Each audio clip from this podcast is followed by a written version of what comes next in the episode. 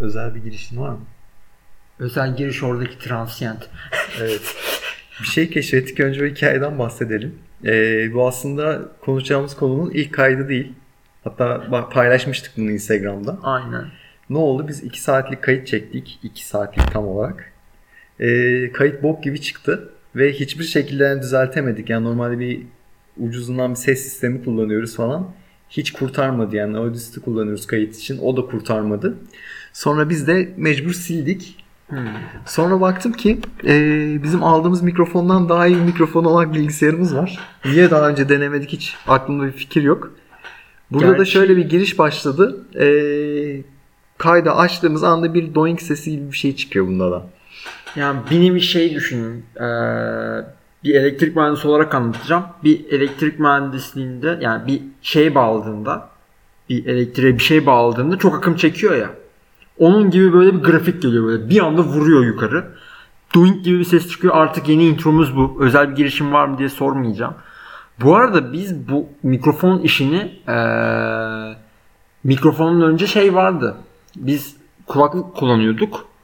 Kulaklık kullanmadan önce podcast'in çıktığı bu Hello Future diye bir videomuz vardı bizim Doğukan. Aslında podcast'in fikri oradan çıktı. Abi bildiğin hani ebesinin nikahından konuşuyorduk ve bilgisayar mikrofonuyla halletmiştik biz onu. Evet. O, o, o aklıma gelince dedim ki bir çıkartalım ya şu mikrofonu ne olacak dedim. Bilgisayar mikrofonu daha iyi geldi. Çok ilginç bir şekilde böyle bir artık sadece bilgisayara konuşacağız ve Audacity ile gürültü alacağız. Gayet temiz bir sesimiz var. Ekipman ekipman yok bundan sonra. Öyle. Bam bam bam falan desene. Aynen öyle. Bugünkü konumuz ne Mertcan? Bugünkü konumuz ne? Bugünkü konumuz enerji. Normalde aslında bir önceki kayıtta geyik olsun diye şeyle başlayacaktık. Sebo bize boyozu sormuştu. Boyoz overrated bir şey Oha, midir? Boyoz artık kurudu çürüdü yani boyoz o kadar geç oldu. Artık üzerinden çok şey geçti. O yüzden biz böyle bir geyikle başlıyoruz artık. Ee, bugün ne konuşacağız? Aslında 2 saat boyunca konuştuğumuz enerji konuşacağız. Birazcık daha kısasını konuşacağız çünkü onda biz bayağı önümüze aldık pdf'i. Üstünden sadece okuduk. Birazcık işte özet geçeceğiz. Yani highlightlarını geçip üzerinden bir, bir iki tane ekran kaydı, ekran görüntüsü aldık. Onların üzerinden bir şeyler yorumlamaya çalışacağız sizlere. Aynen Umarım sarar diye düşünüyorum muhabbeti. Sarmazsa da sağlık olsun ne diyelim. Yani şu ana kadar çektiğimiz en bilgilendirici podcast olabilir bu. Kayıt olabilir. Aynen. Pekala. Ee, bu raporlar neyin raporları? İrena'nın raporları. Nedir İrena, Mertcan? International Renewable Energy Agency yani Uluslararası Yenilenebilir Enerji Ajansı.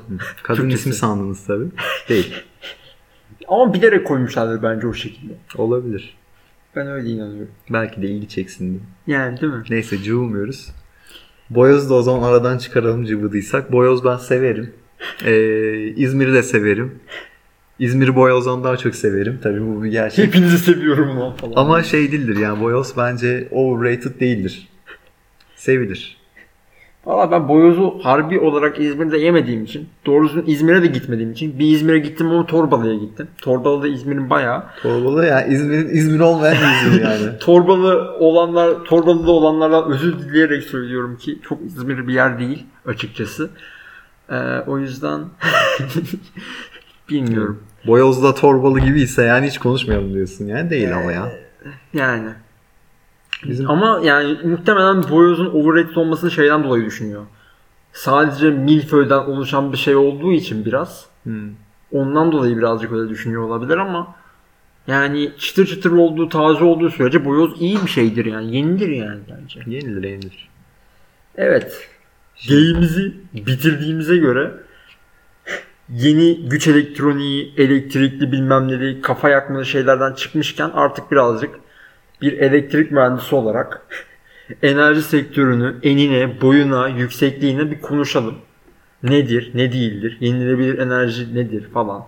Ben geyikten böyle geçiş olsun diye hemen bu ilk kayıtta aldığım ilk soruyla başlamak istiyorum sana. Her şeyin enerjisini üretir miyiz? Yani her şeyden enerji üretmek nedir? Mesela benim babam şey diyor.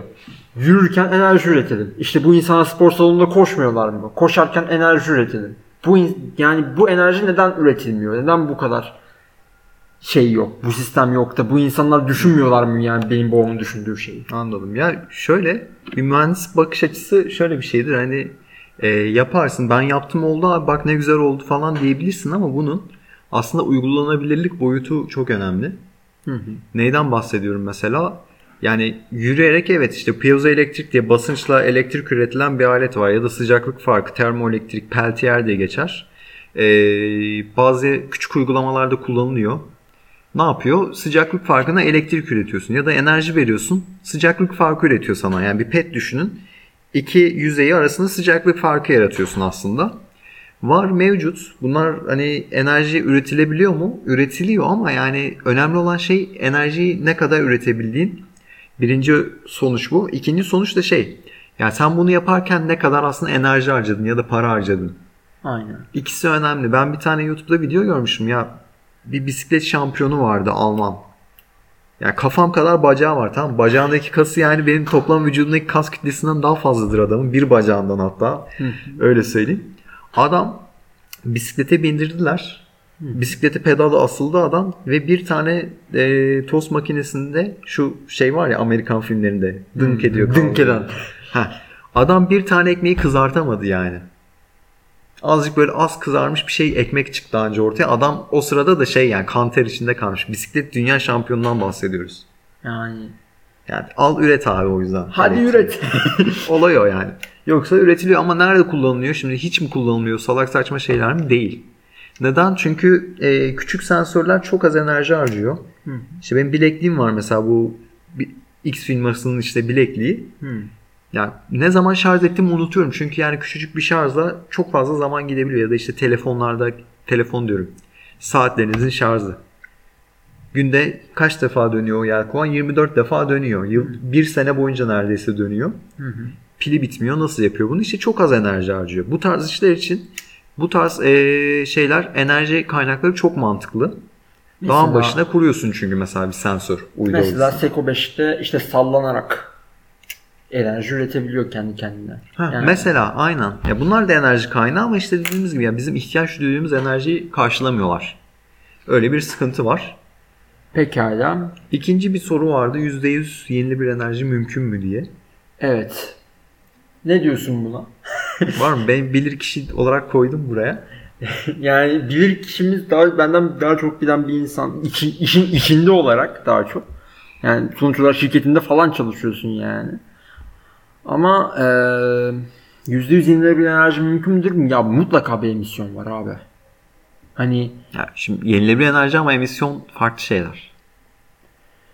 evet o var. Orada Yani ufak bir kaçırdım. Kaçırmadım da ağzımdan kaçtı galiba. Senin demeye çalıştığın şey şu yenilenebilir enerjinin ne olduğuna bakmamız Ya lazım. şimdi bir yenilenebilir enerji tanım yap oradan yürüyelim.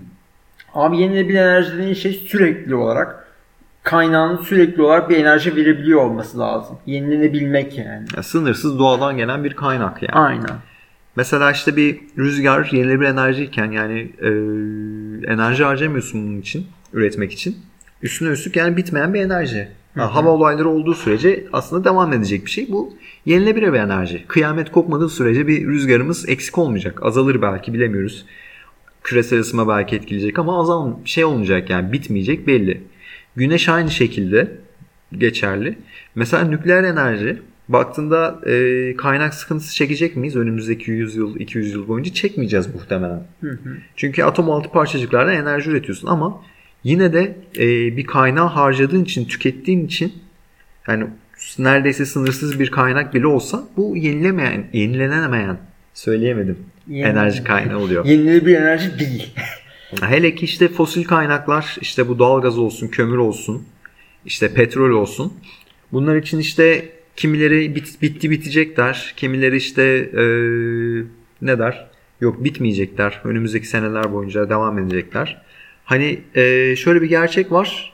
Bunlar kolay kolay bitmeyecek. Amerika'da işte kaya gazı çıkarılmaya başlandı. İşte bu kutup ayılarının olduğu yerler. Kuzey kutbunda mesela millet karlar erisin de biz de bir işimize bakalım. Orada da petrol var diyenler var. İşte bizim Türkiye'nin doğalgaz meselesi işte Doğu Akdeniz'de falan.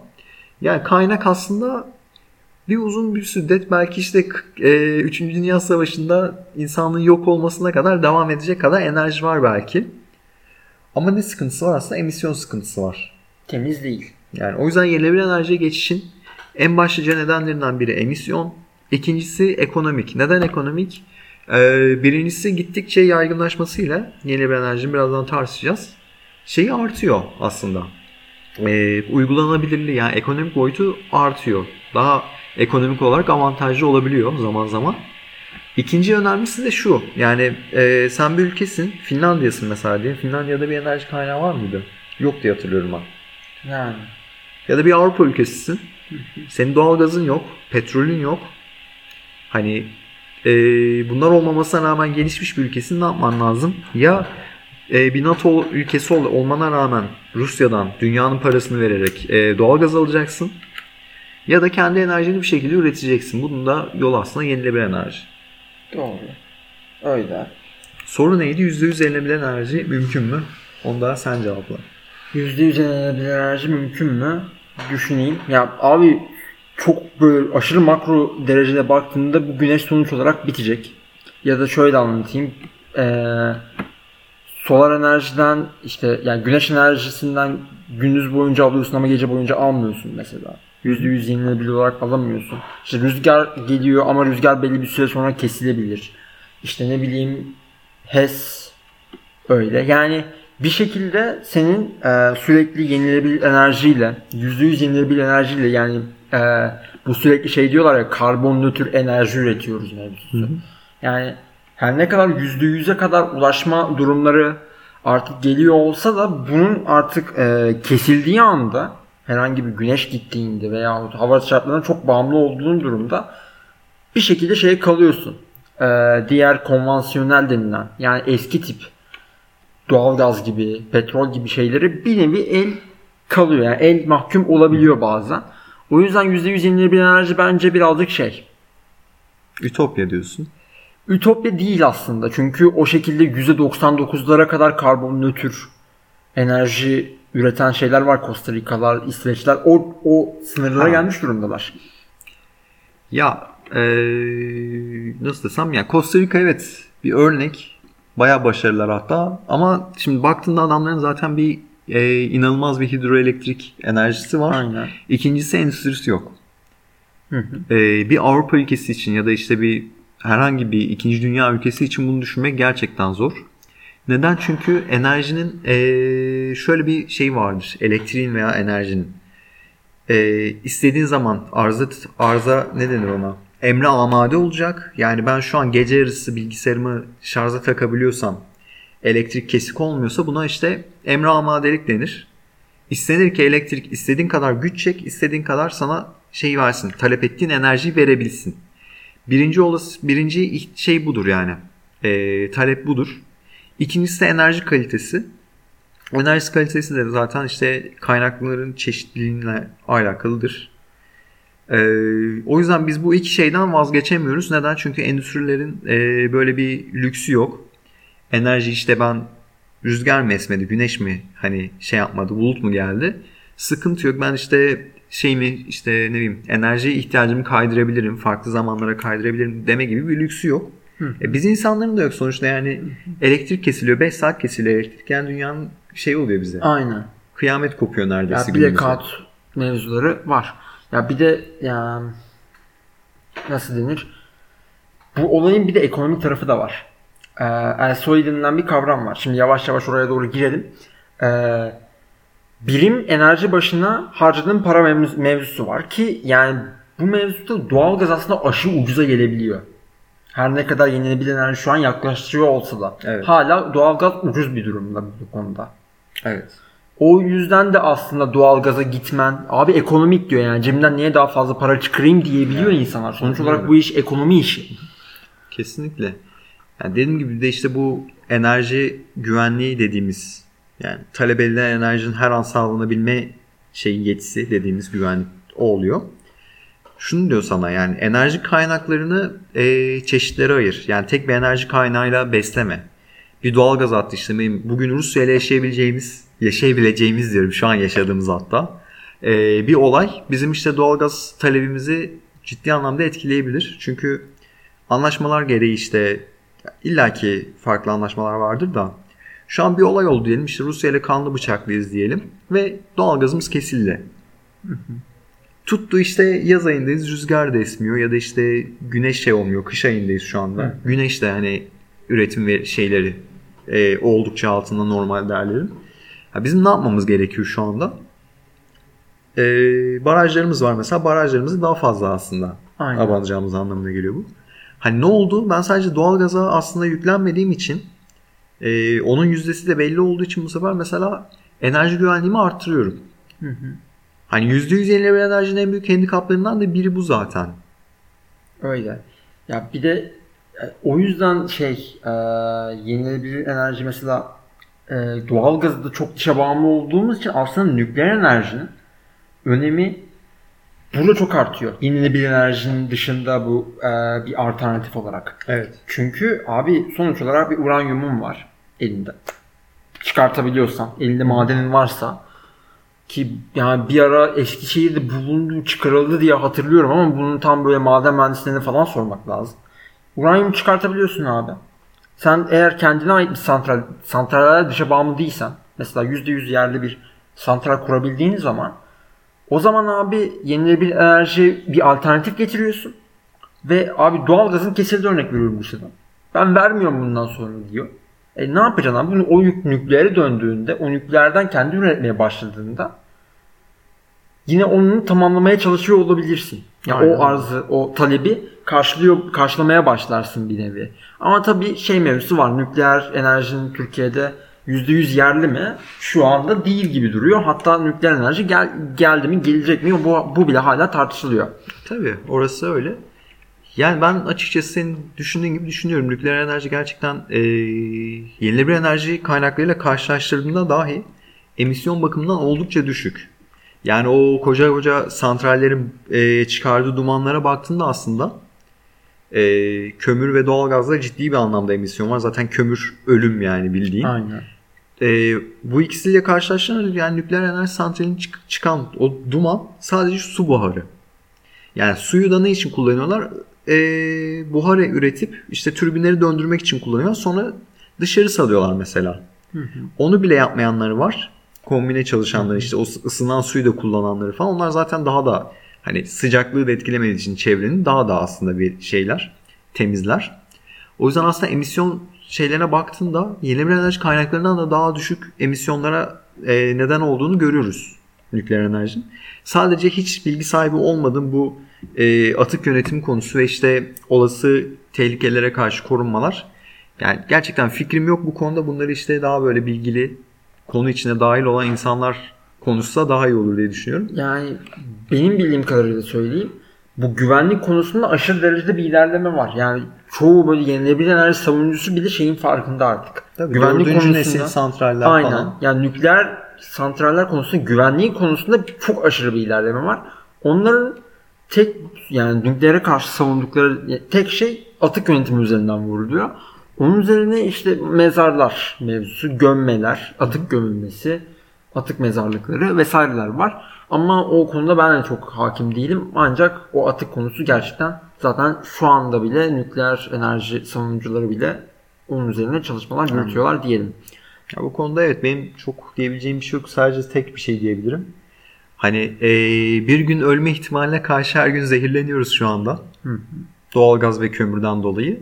Yani bunu oturup gerçekten bence e, bizim değil gerçekten bu konuda işte bilgili bilim adamların mühendislerin düşünmesi gerekiyor ve radikal değil yani radikal olsa bile realist bir karar vermeleri gerekiyor diye düşünüyorum. E, biz yenilenebilir enerjiye bence geri dönebiliriz. Aynen. Yavaş yavaş yenilenebilir enerji konumuz. Hadi artık yavaştan bir timeline'la başlayalım.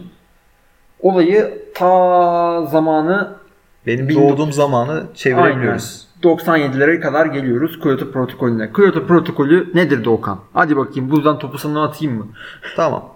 Şimdi önümüzde bir timeline var. Ee, burada mihenk taşları var aslında bu ee, ne diyebiliriz? Emisyon konusunda gerçekten devletlerin artık ee, şey yaptığı bir Kyoto protokolü var.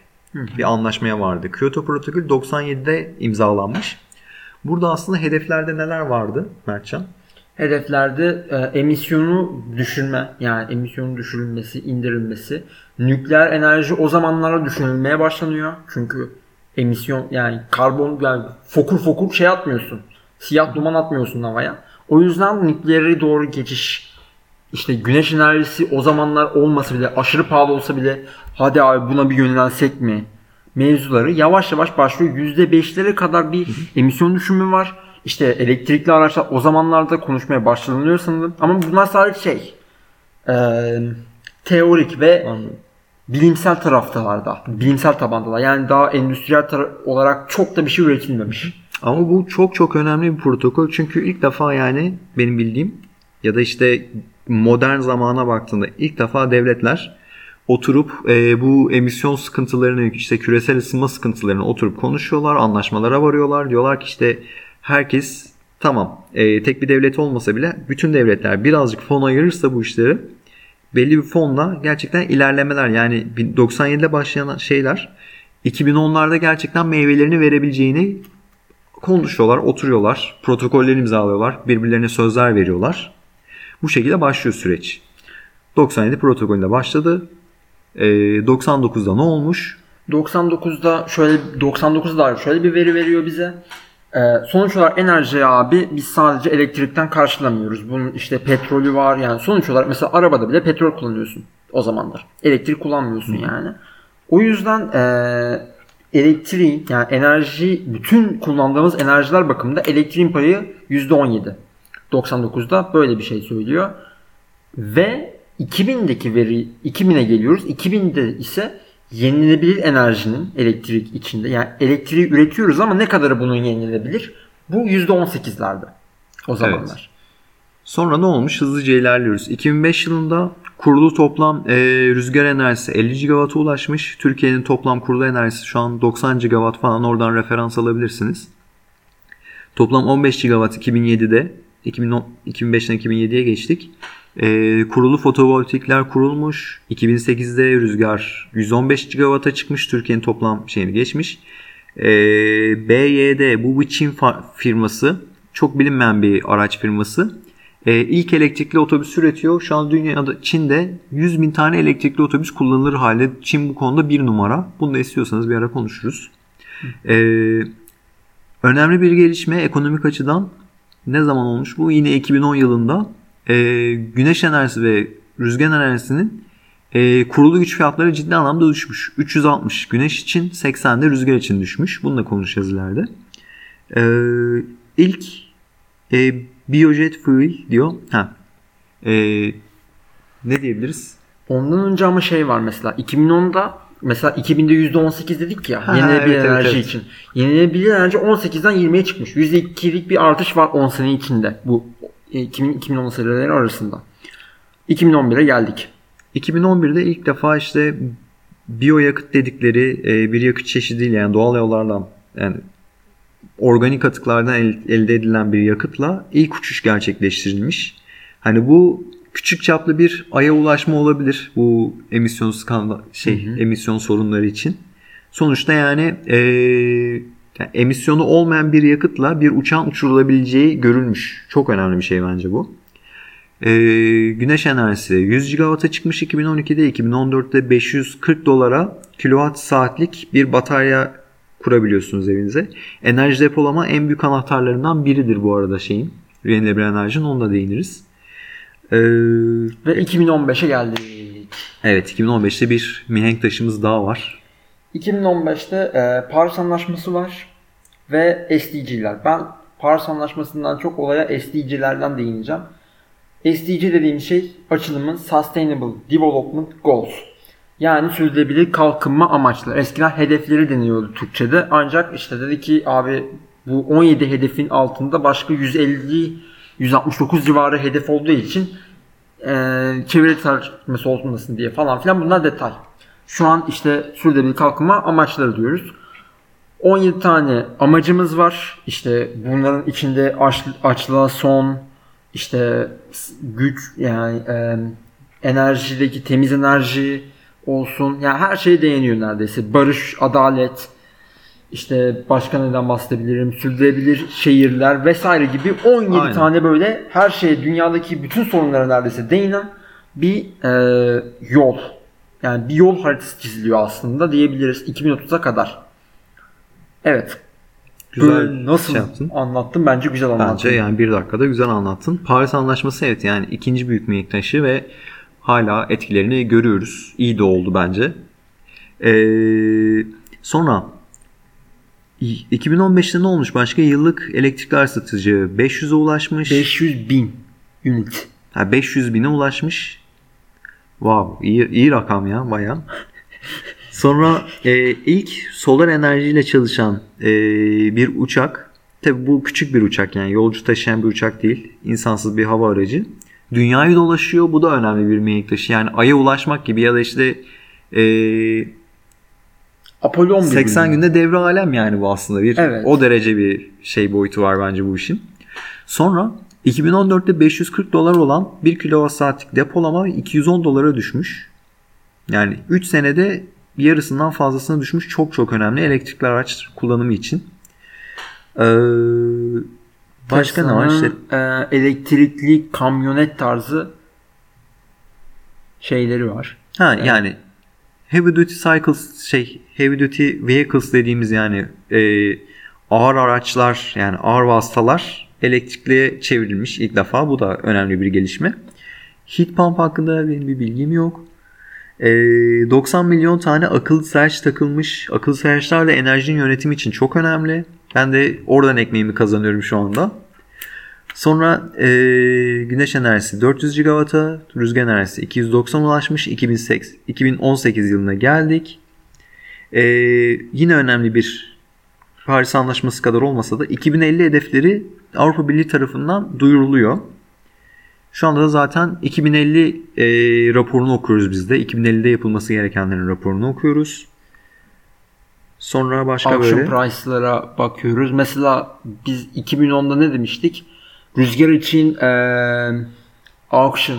Auction'ı çevir şimdi. İhale. Yani Ha, ha, ihalede satılan aynen.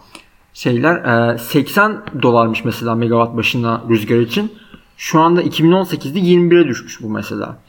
E, daha iyisi güneş fotovoltaikler için bu 360 dolarken megawatt başına şu anda 20 dolarları görüyor.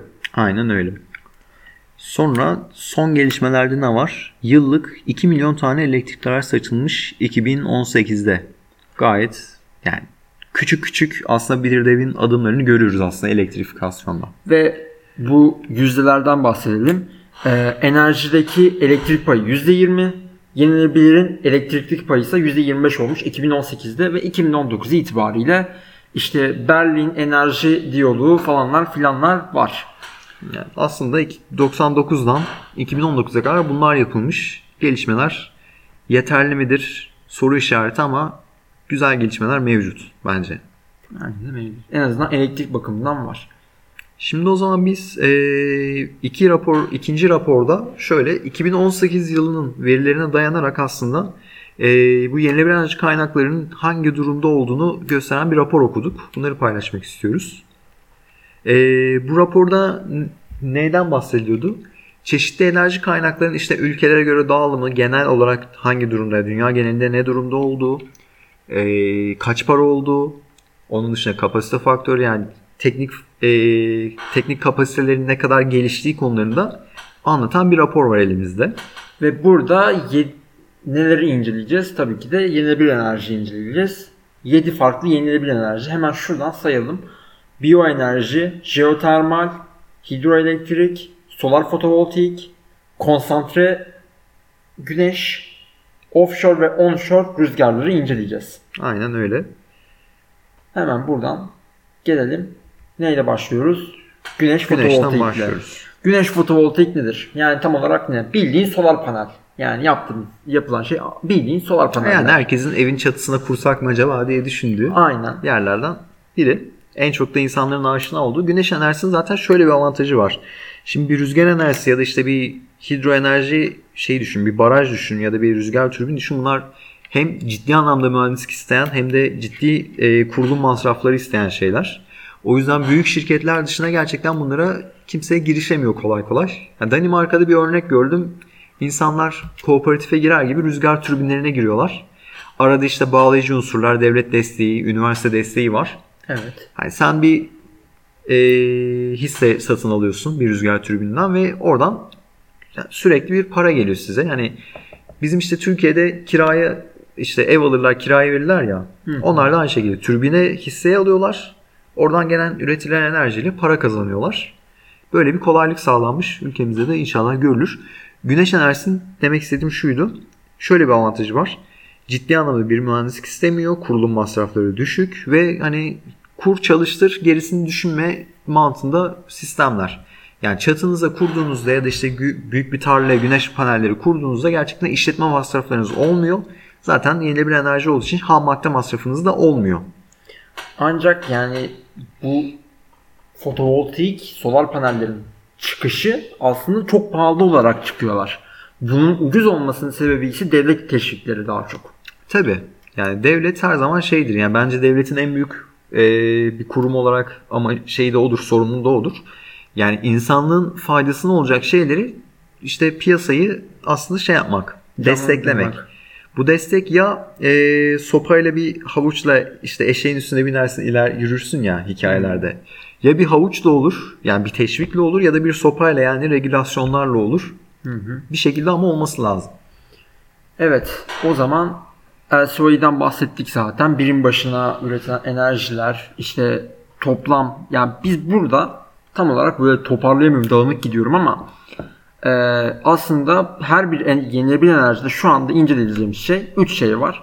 Birisi birim başıma yani birim enerji başına harcadığım para. Birisi e, bir şey üretiyorum ama bunun ne kadarını yani üretme amaçlı kullandığımın ne kadarını aslında üretiyorum. Yani Yani, kapasite kapasite, faktörü, faktörü. Ve kurarken ne kadar para harcıyorum. Bu Kurulum üç şey masrafı. üzerinden gideceğiz. Şimdi solar fotovoltaik için kurulum masrafından başlayalım. 2010-2018 arasında nereye doğru gidiyoruz? Ee, 2010'dan 460 binlerden aslında 2018'de 1200'lere inmiş. Evet yani Gayet net oldu 4600'lerden bence. 1200'lere inmesi ve böyle bayağı bildiğin lömbelöf diye yani bir çatıdan aşağı düşer gibi düşmüş. Aynen öyle. %70'lik bir düşüş var. Kapasite faktörü dediğimiz gibi yani sizin e, kurduğunuz enerji santralinin toplam ne kadar enerji üretebildiği maksimum gücüne oranı. Yani sizin e, 20 kilowatt saatlik bir şey 20 kilowattlık bir santraliniz varsa her saat 20 kilowatt saat üretmiyorsunuz. Ne yapıyorsunuz? İşte kimi zaman işte daha fazla üretiyorsunuz, kimi zaman az üretiyorsunuz. E, buna biz kapasite faktörü diyoruz. Kapasite faktörünün artması hem masrafları düşürüyor hem de sizin ürettiğiniz enerji miktarını artırıyor. Nasıl artırıyoruz kapasite faktörünü? Şöyle artırıyoruz. Ya olan arızaların önüne geçiyoruz ya da sistemleri daha kaliteli, verimli hale getiriyoruz. Bu şekilde kapasite faktörünü artırıyoruz. Peki güneşte kapasite faktörü ne durumda fotovoltaik için? %14'ten 18'e çıkmış. Gayet düşük bir rakam aslında. Ama güneşin zaten birazcık şeyi bu. Yani gündüz gece var sonuç olarak ve fiziksel gece fa- faydalanamıyorsun geceliğin. O yüzden düşük olması gayet normal karşılanabilir. Peki birim başına üretilen birim başına birim enerji başına harcadığın para yani seviyelendirilmiş elektrik maliyeti Yani bir şirket olarak siz enerjinizi ürettiğinizde masrafı ne oluyor kilowatt saat başına? 0.37 ee, 2010'larda Aynen 0.37 2000'ler şeydi. 0.09'a kadar iniyor. Aynen. Yani 90 sente inmiş oluyor değil mi? Yok 9 sente inmiş oluyor. 9 sente inmiş oluyor aynen. 37 sentten 9 sente. Aslında ciddi anlamda bir düşüş var güneş enerjisinde. Zaten bu yüzden insanlar ve şirketler yatırım yapmaya başlıyor. Evet. Birazcık daha bence hızlı ilerleyebiliriz. Aynen. Şu anda neredeyiz? Birazcık daha işte fotovoltaiğin eee, çeşitleri var. İşte kristalinler, ince filmler. Yüksek verimliler falan. Her birinde bir düşüş var aslında. Ee, ve şey var çeşitlilik de var. Yani ee, mesela işte 2010 yıllarında sadece 4 çeşit güneş paneli varken şu an bu 10 çeşide dönüşmüş. Kimileri artık kullanılmıyor çünkü eskisi kadar eski yani yeniler kadar verimli değil, mantıklı değil ve fiyatları da düşüyor bunların. Ee, bir de güneş enerjisini şöyle kullanabiliyoruz. Konsantre e, enerji de geçiyor. Yok konsantre enerji diye geçiyor? Aynen konsantre güneş enerjisi Ha, diye geçiyor. concentric solar power diye geçiyor. Burada da ne yapıyorsunuz? Aslında e, bir mercekle kağıt yakabildiğinizi hayal edin. Bunu işte deneylerde falan gösteriyorlardı. Aynı şekilde güneşten gelen tüm ışınımları e, devasal aynalar sayesinde yani çeşit çeşit işte belli bir açıya yönlendiriyorsunuz ışığı. Aynalar sayesinde birçok ayna tek bir yöne yönlendiriyor. Bir kuleye yönlendiriyor. Kulenin tepesinde e, bir tuz karışımı var. Yüksek sıcaklıkları çıkabilen. Orada mercekten işte yansıyan, tek bir odağa yansıyan güneş enerjisi oradaki işte tuzu e, çok yüksek derecelere çıkarıyor. 300-400 derecelerden bahsediliyor. Ondan sonra buradan ürettiğiniz ısıyla da enerji üretiyorsunuz. Bir nevi bu. en Peki basit açıklamasıyla. Ve bunu nerede yapabiliriz? Adana'da da yapabiliriz diyorum. Adana mesela. yani. Dümdüz Adana. yani. Adamlar asfalta şey döktüğünde, yumurta döktüğünde yumurta pişiyor. Aynen. Adana'ya bence kurulabilir. Buradan Adana Büyükşehir Belediyesi'ne şey sesleniyoruz. sesleniyoruz. Ve durum ne durumda peki? Yani total instant yani kurulum kurulum yani maliyeti bakımından aşırı derecede bir istikrarsızlık var. Evet yani kimi zaman artmış kimi zaman düşmüş. Yani güneşlik gibi bir ucuzlama göremiyoruz. Çünkü birazcık da şey bu. Ee, çok revaçlı olan bir enerji kaynağı değil. Yani Türkiye'de var mı yok mu onu bile bilmiyorum. İspanya'da vardı benim bildiğim. Yani belki Orta Doğu ülkelerinde gerçekten kullanılabilir.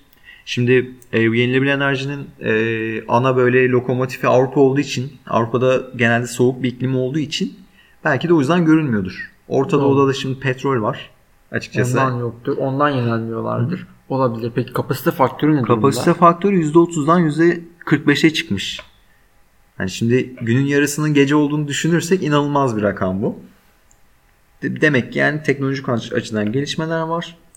Ee, LCO'suna bakarsak da yine 34 sentten 0.19 sente düşmüş. Ama böyle bir istikrarsız bir düşüş var. Evet yani aynı şeyle başlamışlar, ücretle başlamışlar. Biri 0.09'a düşerken diğeri 0.19'a düşmüş. Ee, hızlıca geçiyorum. Rüzgar. Rüzgarı iki çeşide ayırıyoruz. Onshore ve offshore olarak geçiyor aslında. Ee, onshore rüzgar nedir Mertcan? Onshore karaya diktiğimiz olan. Karaya çakıyorsun abi böyle bu şeyi. Çok böyle şey oldu bu da ya. Ya abi bildiğin kara parçasında duran rüzgar türbinleri. Offshore ise okyanusa koyduğun rüzgar türbinleri. Offshore'daki daha zor çünkü dalgalar var, sallanıyor. Yani kolay işte. Onshoreda karaya koyuyorsun yani. Yani diktiğin zaman dikiyorsun. Evet.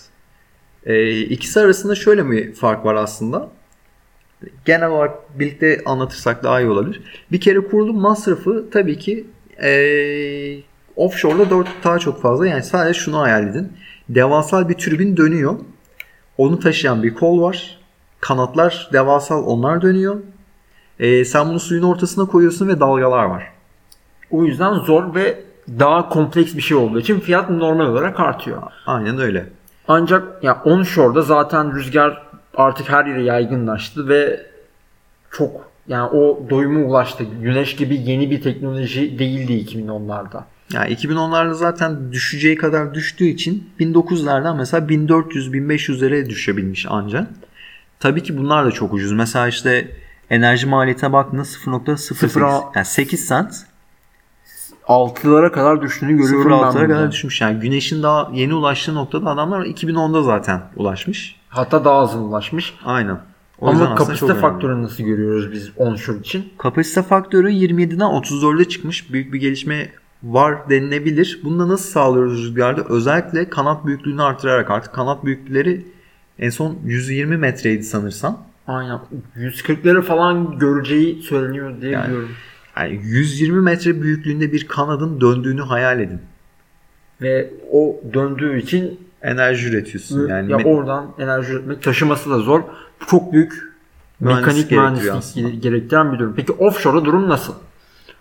Offshore'da durum birazcık dengesiz bir şekilde ilerliyor. Çünkü eee işi belli yerlerde yapılıyor birincisi. Çünkü okyanuslarda. evet. İkincisi zor bir iş. Ne kadar yöneliliyor. O yüzden az ve zor görülen şeyler. Ancak kapasite faktörüne baktığında sonuç olarak okyanustasın ve okyanusta daha fazla rüzgar estiği için %43'leri görmüş. %42'leri görmüş, %47'leri bile görmüş. İstikrarsız gidiş var genel olarak. Aynen öyle. Datada da biraz bozulma olabilir. Hani Yani 0.13 LCO'lara kadar da yani 0.16 iken 2010'da 0.13'leri görmüş. Çok dengesiz gidiyor diyebiliriz. Gelelim hidropower'a. Hidropower ne? yani bildiğin aslında barajlardan ürettiğin enerji. Aynen. Su gücünü kullanıyorsun. Suyun potansiyel enerjisini kullanıyorsun. Ee, Türkiye bu konuda gerçekten e, iyi bir konumda. İşte Süleyman Demirel'in zamanında başlattığı bu e, enerji hamlesiyle beraber aslında sen e, ülke olarak çok fazla enerji üretiyorsun. Enerjinin %30'unu biz e, yanlış hatırlamıyorsam şeyden sağlıyoruz. Barajlardan sağlayabiliyoruz. Kurulu güç olarak tabii bu. Toplam tükettiğin enerji farklı olabilir. Ama senin işte 90 gigawatt kurulu gücün varsa bunun %30'u barajlardan e, emre amade bir şekilde duruyor. Bir de şöyle bir şey var ben özellikle yani bu hidroelektriğe ayrı bir özen gösteriyorum. Çünkü aslında sen orada devasal bir şeyin var. E, enerji depolama aracı da olarak kullanabiliyorsun. Yani su aktıkça orada su depolanıyor. istediğin zaman da kullanabiliyorsun. Yani demin dedik ya işte enerji depolama en önemli faktörlerinden biri yenilenebilir enerji için. Hı hı. E, hidroelektriğin böyle bir avantajı var. Bence Türkiye'nin hani gerçekten önünü açabilecek bir konu bu. Doğru. Peki verilere bakarsak kurulum, ma- kurulum maliyeti gerçekten düşük ama sanırım bir yükselme olsa da her ne kadar yükselme olsa da birazcık böyle 1200'den 1492'ler. Yani o belli bir aralık içinde gidiyor ve çok fazla bir değişim yok. Kapasite faktörü olarak %47, %51'leri bile görmüş 2010-2018 arasında. %47'deyiz şu anda. Çok iyi bir kapasite faktörümüz var. LSOI bakımından da aşırı derecede ucuz. Hatta sudan ucuz denilebilir 0.05 doları Aynen kilowatt öyle. başına görüyoruz. O yüzden dediğim gibi eee, şey önemli. Hatta eee, konuşamadım. İşte hidroelektrik bu konuda işte bu depolama konusunda çok önemli. Hatta zaten biz eğer eee yenilenebilir enerji payımızı 2050 senaryosunda %70 %80 vaatleri var, hedefleri var. Yani toplam enerjinin %70'ini %80'ini yenilenebilir enerjiden karşılamak istiyoruz. Ee, bu enerji saydığımız enerji kaynaklarının ortak bir şekilde koordineli bir şekilde kullanılması en önemlilerinden biri. Avrupa Birliği şu konuda şöyle bir çalışması var şu anda. Ee, enerji ağlarını birleştiriyorlar ülkeler arasında. Bu şekilde ne oluyor aslında? Sen güneyde güneş enerjisinden elektrik üretiyorsun. Kuzey ülkelerinde rüzgardan üretiyorsun. Kimi yerlerde jeotermalden üretiyorsun. Bunların ülkeler arası alım satımı ile beraber aslında sen yenilenebilir enerjinin kullanılabilirliğini artırmış oluyorsun. Bu şekilde. Geldik jeotermale. Jeotermal ne? Jeotermalde yer altındaki sulardan, yer altındaki sıcaklıktan enerji ürettiğimiz bir enerji çeşidi. Bu daha çok yani e, Türkiye'de mesela Denizli'de var. Yani belli yerlerde olan bir, bir şey. E, o yüzden çok yaygın değil. Yani sonuç olarak elinde olan bir yenilebilir tür. Onun kurulum maliyetine baktığımızda aslında 2010'dan 2012'leri çok büyük bir pik yani çok büyük bir pahalılaşma zam görüyoruz. Sonrasında düşüp belli bir e, standart tutturmuş gibi duruyor. Şu an e, 2010'larda 2500 iken 5100'e çıkmış 2012'lerde. Şu anda 2018'de 3900-4000 dolar civarında görüyoruz. Kapasite olarak aşırı derecede yüksek. Yani %87 belli bir standart tutturulmuş durumda. %87 %82 arasında falan %5'lik bir değişme bir kayma var. Şu anda %84 2018 verilerine göre Levelise yani birim enerji başına harcadığın para ise 0.07'lerde. Gayet uygun. Gayet uygun. Ancak sorun şu ki belli yerlerde üretiyorsun. Yani Aynen öyle. Türkiye'de kahve yetiştirebiliyor musun abicim? Yetiştiremiyor musun? Türkiye'de işte pil üretmek için lityumun var mı? Yok. Sadece Çin'de var. Çin'den alıyorsun mesela. O yüzden belli yerlerde olduğu için yaygın değil. Aynen öyle. Ee, Geçtik. Biyoenerjiye hemen geçiyoruz çünkü Yani. birazcık zaman yani uzun süre dinlemeyeceğiniz için yani çok da sıkmak istemiyoruz açıkçası. Şimdi gelelim. Şimdi ikinci rapora geri dönüyoruz. İkinci raporumuz 2050 yol haritası aslında İRENA'nın. Yani aslında Avrupa Birliği'nin ya da işte bu e, protokolleri imza atan ülkelerin aslında yol haritası. Aynen. Burada e, aslında hedefler, belli başlı hedefler var. Bunların üzerinin altında da uygulama önerileri var. Hı hı. Bu hedeflerden nelerdi? Birincisi elektrifikasyon. Elektrifikasyon nedir Mertcan? Elektrifikasyon şudur. Yani en, ilk başta dediğimiz şey var ya enerjiyi sadece biz elektrik kullanmıyoruz. Yani petrolden de kullanıyoruz vesaireden de kullanıyoruz. Elektrifikasyon dediğim şey bunda elektrik payını arttırmak. Yani nasıl anlatabilirim? Bir elektriği yani arabanın arabada benzin kullanacağına elektrikli araç kullan. Aynen Örnek. öyle. İşte ısıyı ileteceğimiz zaman bunu işte herhangi bir şekilde değil elektrikle kullan. Aynen öyle. bir şey. Yani ısınma ve özellikle ulaşım konusunda fosil yakıtlardan yani kömürden, doğalgazdan ve işte petrolden elektriğe doğru kayma çok önemli bir şey. Bu şekilde zaten emisyonları ciddi anlamda azaltabilme potansiyelim var. Niye potansiyel dedim? Çünkü ikinci amaç da elektrifikasyonda şu. Yenilebilir enerjinin payını arttırman gerekiyor diyor senin için. Çünkü zaten yani yenilebilir enerjinin payını arttırmadıktan sonra tüm bu yaptıkların çöpe gidiyor. Çünkü elektriği sonuç olarak doğal gazdan ve fosil yakıtlardan üretiyor oluyorsun. Aynen öyle. O yüzden ikinci önemli şey yenilenebilir enerjinin payını arttırmak. Ee, üçüncü şey de şu. Verimliliği arttırmak. Evet tamam kardeşim güzel yaptın yenilenebilir enerji kullandın elektrifikasyonu arttırdın ama sen bunu verimli olarak kullanmazsan yani hem tasarruf yönünden nasıl desem yani kullanılmayan elektriği kapamaktan da bahsetmiyorum. Ee, prosesleri de verimli haline getirmezsen eğer senin yaptığın iş de aslında biraz çöpe gidiyor. O yüzden aslında verimlilik, yenilebilirlik ve elektrifikasyon e, emisyon konusunun 3 önemli başlığı. Yani 3 bacaklı sandalye düşünün. 3 bacaklı sandalyenin bir sandalyenin işte şey bir bacağı olmazsa abi oturamazsınız o sandalyede. Düşersin. Düşersin yani. Bu da aynı şey yani. Şimdi peki şeylerden bahsedersek biz elimizde neler var tablolardan? Ee, elektrifikasyona dair veriler var. 2010 2018 verileri, 2030, 2040 ve 2050 hedefleri var. Elimizde peki burada elimizde neleri incelemiş mesela? Ee, elektriğin yüzdesi. Yani elektriğin toplam enerji kullanımındaki yüzdesi 2010'ların %18. 2018'de %20, 2030'da %29 hedefliyorlar, 2040'da %38 hedefliyorlar, 2050'de %49, %50'ye kadar çıkmayı hedefliyorlar. Peki bunu ne olarak göstermiş? Yani tam olarak doğru yolda mı gidiyoruz? Doğru yolda gitmiyoruz. Çünkü %18'den %20'ye çıkmış 8 yılda. Ya sen diyorsun ki- %50 olsun nasıl olsun Yani. yani. Buradaki e, en büyük eşekliğimizin bizim şu oldu. Bir kere elektrik araçlara gerektiği yatırım yapılmadı. Hı hı. En büyük nedenlerinden biri bu. İkincisi ısınma konusunda hala da yani biz ne yapıyoruz? E, fosil yakıtları kullanıyoruz doğalgaz Evet. olarak. İşte şofbenlerimizi Hı hı. şey yapıyor doğalgazla ısıtıyoruz. Elektrik ısıtıcılar kullanmıyoruz. Ha tabii bu şimdi diyeceksiniz ki kardeşim hani parası çok.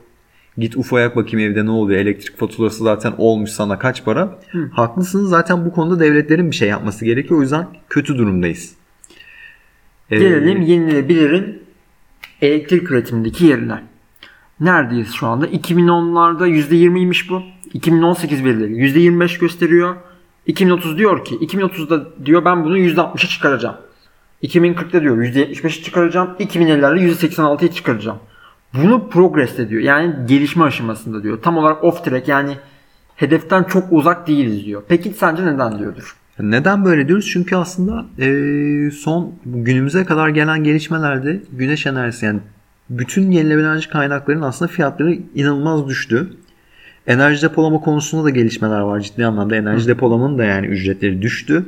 Hani biz zaten bu rüzgarı artık alt, elimizin altına aldık. Eee, bu şekilde devam edebiliriz diye bir düşünceye girdiklerini düşünüyorum. Hani %20'den 25'e çıkmışız ama bundan sonrası çok daha kolay olacağı Aynen. belli yani.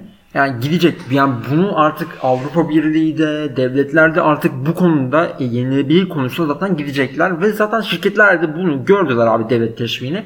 Yatırımını da yapıyorlar. Yani ilerleme olacak gibi duruyor. Aynen öyle. Gelelim solar fotovoltaikteki duruma. Yani yıl başında üretilen gigawatt. 2010'da 17 gigawatt üretim var. 100 109 şu anki durum. 2050'de 360'ı görmesi planı- planlanıyor. Şu anda durum gelişme aşamasında çünkü güneş enerjisine aşırı derecede yatırım var. söyledik. Ücretlerde çatıdan aşağı atlarcasına bir düşüş var. Lömbölöt diye ilerliyor. Gidesi yürü koçum. Allah yürü ya kulum demiş gidiyor şu anda. Aynen öyle. Rüzgarda aynı şeyi göremiyoruz. Rüzgarda mesela bunu e, durum pek iyi olmadığı görünüyor. Çünkü neden? E, kurulu yani yıllık kurulumlar e, 2010'da 31 iken 2000 şey günümüzde 54'e çıkabilmiş anca. Yani sen e, yıllık arttırabildiğin kurulu gücü istenilen düzeye getirememişsin. 2030'da bunun 200 olmasını istiyorsun. Bunun nedenlerinden biri bence şeydir. Yani devletlerin birazcık daha güneş enerjisine kayması olabilir. İkinci nedeni hani belki artık yani belli kurulan alanların artık daralması olabilir. Hı hı. Pek bir bil- tam böyle net bir bilgim yok. Gelelim elektrikli araçlara. Elektrikli araçlar 2010'da 500 binden daha azken şu anda 6 milyon elektrikli araç var ee, kullanımı. 2030'da 157 milyon, 2050'de de 1 milyar civarında bir kullanım gösteri kullanım Araç hedefi satışı. var. Hı. Peki ne durumdayız? Progress yani gider yani olma ihtimali var deniyor. Neden olma ihtimali var diyor. Çünkü abi yavaş yavaş Avrupa bize diyor ki abi sen elektrikli araç kullan. Artık fosil yakıtlı için aşırı vergi alacağım hatta yasaklayacağım diyor. Bu gidişle zaten elektrikli araçlara doğru bir dönüş göreceğiz. Aynen öyle. Yani artık şey birazcık da yani gerekli yatırımlar yapıldı, meyvesi alınmaya başladı. İşte ciddi anlamda e, rol oynayan firmalar var. İşte dünya devlerini devirebilecek potansiyele sahip dev firmalar var. Örneğin Biri Tesla. Tesla. mesela. Hani o konuda artık yani rüzgar alındı. Bugünden sonra şiddetli bir artış olacağına ben de inanıyorum. O yüzden progress demeyi e, ben de mantıklı buluyorum. E, bunlar elektrifikasyon ve yenilenebilir enerji başlıkları altındaydı. Durumlar bu şekildeydi. Enerji verimliliğine girersek Enerji verimliliğinde 2010'da %1.2 enerji yoğunluğu var. Bunun 2000'e şu anda iki- %2.3'teyiz. 3 %3.2'ye çıkması planlanıyor. Şu anda eee, diyor ki abicim ben bunu olmayacak galiba. Yani off track. Yani rotadan çok uzaktayız.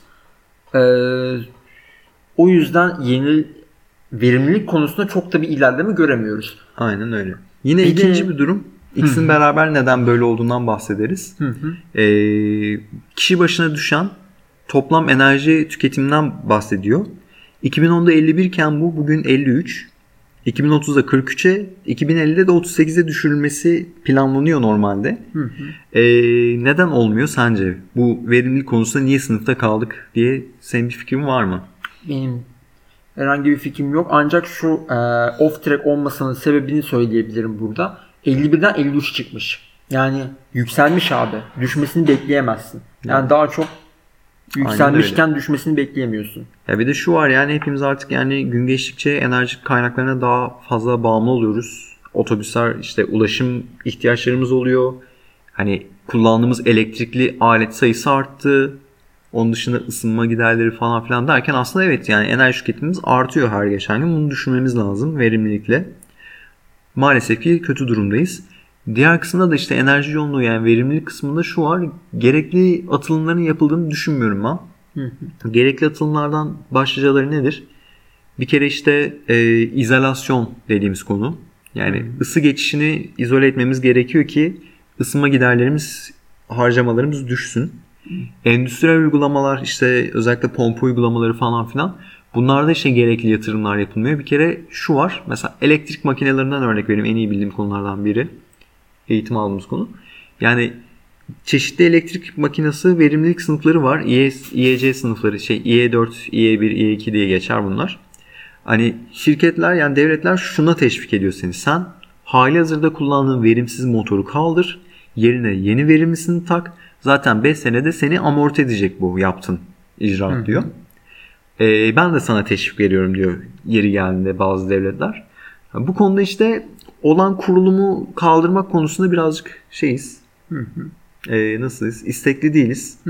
Diğer uygulamalar konusunda da anladığım kadarıyla şey değiliz ama Türkiye'de birazcık daha bu konuda artık gelişmeler yapılıyor. Çünkü elektrik fiyatları çok arttı Türkiye'de. Yani zamanda aktif enerji bedeli 21 kuruşken 2017'de şu an biz 53-54 kuruşa alıyoruz. Hı hı. İnanılmaz bir artış var.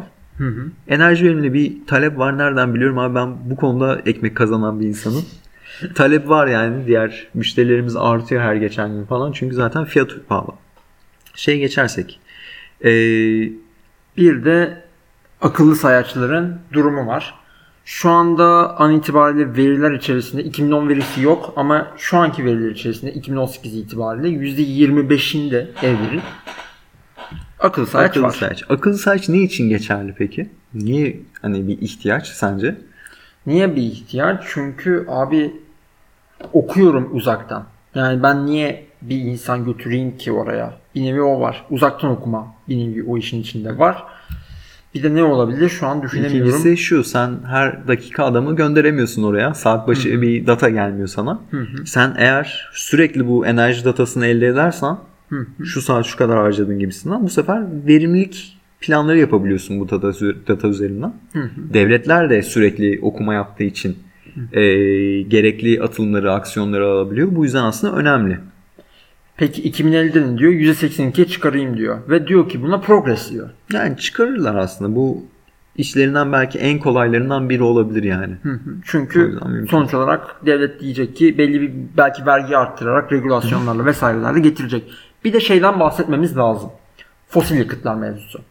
Biz e, yenilenebilir enerjiye her ne kadar arttırsak da bu işin bir de fosil yakıtın azaltma tarafı var ki azalmıyor. Ve azalma yerine artıyor ve 2050'de diyor ki çok azaltacağım. Bu mümkün değil gibi duruyor. Bu taraftan yani bir taraftan yenilenebilir enerjide bir artış varken fosil yakıtlarda bir azalma yok diyebiliriz. Evet. Gelelim karbondioksit, karbon gazı emisyonlarının elektrik tarafından ve kullanım alanlarına göre dağılımlar. Aynen öyle. Şimdi baktığımızda önümüzde bir harita var. Şey daha doğrusu bir grafik var. Ee, 2010'daki durumdan 2050'deki senaryoya kadar bir grafik var. Karbondioksit emisyonu konusunda. İşte ee, 30 gigaton yıl başına bir tüketim var şu anda. Bunun ee, eğer hani şu koşulda devam edersek bu gelişmelere, gelişmeler diyorum hatta ee, 32'lerde 33'lerde kalabileceğimi söylüyor. Yani arttırmıyoruz. Bu iyi bir şey ama azaltalım, azaltamıyoruz da ayrıca. Ee, 2050 hedeflerini gerçekten e, yeteri kadar yer, gerçekleştirebilirsek bunun ona düşmesi planlanıyor.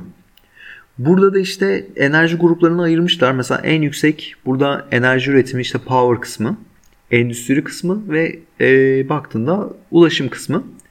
Burada alacağın senin işte şeylerle beraber, aksiyonlarla beraber o aksiyonlarda ne? Bir kere ısınma ve ulaşımda elektrifikasyon, yenilenebilir enerji payı ve enerji efficiency dediğimiz Verimlilikteki Aynen artış. öyle. Saydığım sırayla da %36, %39 ve %25'lik etkileri var bunların. Ve etkisinin yani bu büyük etkinin yani bu etkileyecekse etkinin çok büyüğünü elektrifikasyon yani elektriğe geçiş, elek- kullanmada elektriğe geçiş ve yenilenebilir enerji oluşturuyor. Aynen öyle. Evet. Enerjinin, elektriğin enerji tarafındaki yeri. 2016 verileri ve gidersek, doğru yolda gidersek 2050 hedefleri. Aynen öyle. Şu an baktığında enerjinin e, elektrik enerjisinin %36'sını Yani elektriğin, elektri yani enerji tüketiminin %36'sı petrol. Bunun %13'e düşürülmesi planlanıyor. Şu anda ise elektrik %19. Diyor ki abicim diyor. %49'a çıkaralım diyor bunu. Aynen öyle. Şu an kömür %14'te bunu %3'e düşürülüyor. Doğalgaz 16'da 10'a düşürülüyor. Doğalgaza birazcık daha sıcak bakmaları normal. Çünkü emisyonları kömürden yarı yarıya neredeyse. Ee, burada asıl gördüğümüz şey ne? Bu bir alan haritası. Alan haritası nedir? Yani büyüklüklerine göre, niceliklerine göre alan kaplarlar. Şu an mesela %36 petrolken bunun %13'e düşürülmesi planlanıyor. En büyük değişim orada. Yani diyor ki sana ulaşımda sen şeye git. Elektrifikasyona git diyor. Hani belki bunu belki uçaklar için 2050'ye kadar gerçekleştiremeyebiliriz ama normal işte ulaşım için çok rahat gerçekleştirebiliriz. Elektrikli otobüsler, metro ulaşımı, elektrikli araçlar derken. Ee, %49'a çıkar diyor elektrik payını toplam enerjideki ve bunun %86'sını yenilenebilir enerjiden yap diyor. Yani bakalım nasıl olacak. Hayırlısı diyoruz. Ve gelelim ben birazcık olaya hafif bir dipnot koymamız gerekiyor. Şimdi öncelikle bir enerjiden çok bahsediyoruz. Ancak bu enerjiyi sadece güçle yani enerjide mühendislik tarafıyla o taraftan bakarak çözmemiz çok zor. Çünkü hayat abi böyle bir şey değil. Yani A ve B A artı B eşittir C diyerek sadece A'yı değiştirerek C'yi de, A'yı değiştirerek ben C'yi kontrol edebilirim demek çok dar e, at gözüyle bakmak oluyor hayata. Bu olaya olay çünkü kompleks ve sen A'yı değiştirirken B'yi de değiştirebiliyorsun. Yani her şey birbirine bağlı artık. O yüzden art, enerjiyi sadece enerji mühendisliğiyle, güç mühendisliğiyle değiştiremiyorsun. Bu olay çok daha gömülü bir doğası var diyor. Yani ekonomiyi düşünmen lazım. Dünyayı nereye gittiğini düşünmen lazım. Toplumun nereye gittiğini düşünmen gerekiyor. Burada ise sosyoekonomik ayak izinden bahsediyoruz. Bunun üç şeyi var. Gayri safi milli hasıla, istihdam ve refah. Bu üçünün de artık bakarak enerji durumunu incelemek, irdelemek, artık enerji, yenilebilir enerjiyle beraber gelişecek olan, e, insan başına düşecek olan para, refah ve insanın girebileceği istihdam, işsizliğin azalması gibi durumları da bakılması gerekiyor diyelim. Gelelim artık neler yapmalıyız tavsiyelerine. Bunu dört başlığa girmişler. Yani dört başlığımız nedir? Bir kere enerji üretimi yani power. Yani dört sektör desek biri power. Yani e, elektrik üretimi, diğeri ulaşım, transportation, endüstri ve binalar demiş. Sektör değil aslında dört sınıf oldu. Şimdi diyor ki sana enerji konusunda şunu diyor. Yenilenebilir enerji kapasiteni arttır diyor. Konuştuk. Onun dışında ee, ikinci maddesi de şu daha önemlisi belki. Yenilenebilir enerji payını arttırırken bunu farklı enerji kaynaklarını kullanarak yap ki senin arz talep dengen bozulmasın. Ayrıca yenilenebilir enerji payın sürekli yüksek olsun. Yani sen sadece güneşe bağlı olma rüzgar da kur, onu da kur, bunu da kur ve hani günümüz yeni teknolojisi dağıtılmış üretim santrallerine doğru geçişi hızlandır diyor.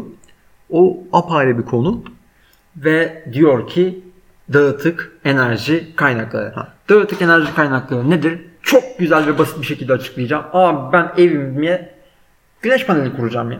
Gideceğim rüzgar türbini kuracağım. Bu şekilde enerjimi kendi enerjimi üreteceğim. Aynen. Fazlamı da ne yapacağım? Satacağım. Abi Aynen paramı öyle. kazanacağım abi. Canımda para kalacak. Bir özetlemen geçeyim o zaman. İstanbul'un enerjisini Keban Barajı'nda üretip buraya kadar taşıma diyor yani sana. Aynen öyle. Lokal üretim de diyebiliriz buna. Yani dağıtık bir elektrik üretimi var bu şekilde diyor.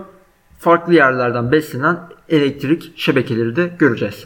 Bu konuda da çok ciddi ciddi yani ciddi ciddi diyorum o kadar ciddi. Büyük büyük konferanslar düzenleniyor. Evet. Yani akademi tarafı da çok büyük ve mühendislik, araştırma geliştirme tarafı da çok büyük. İnanılmaz derecede enerji tarafı da buraya gidiyor. İşte blockchain gibi böyle sürekli seminerlerde bahsedilen hatta bahsedilmeye yeni yeni başlanan şeyler de yavaş yavaş işin içine girmeye başlıyor. Gelelim ulaşım tarafına. Diyor ki enerji ihtiyacını yani daha az enerjiyle ben ulaşımı sağlamaya başlayayım diyor. Bu Yani birincisi. şunu diyor sana yani sen ee, diyemedim. diyemedi şu an. Şöyle diyor yani sen ulaşım ihtiyacın var bu ihtiyacı en az enerjiyle karşıla diyor. Bunu nasıl yapıyorsun? Mesela başlık olarak ne koymuş? Otonom sürüş demiş. Otonom sürüş evet verimliliği arttıracak diyor. Paylaşım ekonomisini arttır diyor. Yani sen tek bir araçla çıkma yola bir otobüsle çık. Ya da işte metropollerde raylı ulaşımları arttır diyor. Ve diyor ki işte data yani bu işte Endüstri 4.0 dijitalizasyon falan filan her bütün şirket yetkilileri İK'ları konuşuyor. Onları da uygula diyor yani anlayacağım. Aynen. Diyor ki başka ne diyor mesela? Elektrikli mobility. Yani elektrikli araçları artık yavaş yavaş toplu taşımalarda da kullanmaya başlayalım. Kendimiz de kullanalım diyerek elektrifikasyonu bu şekilde Biraz şey, diyor. siz bunlara mı biniyorsunuz ya modu geliyor yani açıkçası. Aynen öyle. Bunun alt başlıklarında da ciddi anlamda şeyler var. Yani sen şarj ağını düzgün kuracaksın diyor. Elektrikli araçların işte ekonomik olarak uygulanabilir yani alınabilir, satın alınabilir hale getireceksin diyor. Mümkünse diyor yüksek eee, şey yani ağır vasıta taşıtlarda da elektrifikasyona git diyor. Gibi gibi. Ve ne diyor? Biyoyakıtlara geç diyor. Ha. Şimdi sen elektrik kardeşim kullanamazsın diyor uçaklarda. Hak veriyorum sana. Niye kullanamazsın ben söyleyeyim. Bir kere eee batarya teknolojileri o kadar gelişmiş değil. Yani sen eee, bir birim gazdan ya da yakıttan aldığın enerjiyi çok büyük miktarlarda bataryalara saklayabiliyorsun en fazla. E, uçak şimdi uçuyor yani bu hali hazır. Sen ağır bir şey uçurabilir misin? Kolay kolay uçuramazsın. Aynen. Yüzdüremezsin bile yani. Şimdi sadece uçak değil bu bir de denizcilik sektörü için de geçerli. Bir kere okyanus aşamıyorsun yani. Aynen öyle. E, o yüzden bu konularda işte fosil yakıtların avantajlı olabileceğini söylemiş burada. Fosil yakıtlardan çok biyoyakıtlara Evet, geç özür dilerim fosil diyorum. Biyoyakıtlara geç diyor. Ve gelelim endüstri tarafına. Endüstri tarafında ne diyor? Yine diyor enerji şeyini azalt. Diyor. Onun- Enerji verimini sağla diyor aslında. Endüstriyel yani çözümler üret diyor kendine. Onun dışında ne diyor? Ee, enable corporate sourcing of renewables. Yani Harcadığın enerjiyi yenilebilerden karşılamaya çalış diyor. Belki işte endüstride artık endüstriyel çatılarda güneş enerji santrallerini görüyoruz mesela. Yani her bir çatı bir santral olarak düşünülebilir. hı hı. Yani mümkünse böyle bir şey yap deniliyor. ve ne diyor? Low karbon. Yani düşük karbon Teknolojilerini sağla diyor. Nerede diyor? Heating'de diyor. Yani ısınmada yani sen demir çelik fabrikasısın diyelim. Kömür kullanıyorsun eskiden. Evet. Ve yani şimdi bir demiri 2000 dereceleri çıkarmak için inanılmaz e, Hmm. Enerji sarf ihtiyacın var. gerekiyor. Bunu mesela şu an nasıl yapıyorlar? E, arc trafoları var. Çok çok yüksek yani çok çok yüksek akımları demir parçalarından geçiriyorlar. E, Demir de eriyor. akan akımda e, akın akımda demir eriyor. Mesela elektrifikasyon en güzel örneklerinden biri. Doğru. Gelelim binalara. Binalara ne diyor? Aynı şekilde enerji tüketimini azalt. Buradaki en önemli başlıklardan biri de izolasyon ve led dönüşümü. LED'de eee, bir normal gideceğin böyle akkorten bir telli böyle Edison icat ettiği böyle klasik lambalar yerine floresanlar yerine artık yavaş yavaş led gibi böyle tofaş şahinlerine taktığınız ışıklı mışıklı şeyleri yavaş yavaş artık ev aydınlatmanızda da kullanın ki daha az enerji harcayın diyor. Ne diyor başka? Distributed energy resources. Yani yine dağıtık eee, Kardeşim, Enerji Çatına kur yani kurabiliyorsan diyor. Aynen rüzgar türbini kur. Güneş tür güneş paneli kur. Kur yani diyor. Ve diyor ki eee building sektörde yenilenebilir enerjinin payını arttır. Yani artık heat pump gibi işte eee elektrifikasyona da yavaş yavaş geç diyor. Bitirdik be. Vallahi. Vallahi bitti. Vallahi biz de bittik. Ne diyelim? Artık Vallahi başka ne diyebiliriz günün özeti olarak zaten 1 saat 7 dakika konuşmuşuz. Yani artık bu devletlerin ciddi anlamda bu konulara değinmesi çok güzel. Yani güzel bir gelişme. Yani bundan belki 10 sene önce bu kadar e, umutlu değildik. Herkes cebindeki paraya bakabilirken şu an devletler hani bu konuda artık hani iyi veya kötü at- atılımlar yapabiliyor. İnsanların ve şirketlerin işte sürdürülebilirlik hedefleri artık oluşmaya başladı. Özellikle şirketlerin yani böyle bir şeye girmesi beni duygulandırıyor diyeceğim. Şey yani umutlandırıyor. Ee, yani aslında yapılacak şeyler basit değil ama belli. Ne olduğu belli. 2050 yol haritasında da biz bunlardan bahsettik. Herkes belki kendi evinden başlayarak, kendi çalıştığı kurumdan devam ederek, belki de endüstriye yön vererek bunları ön ayak olabilir.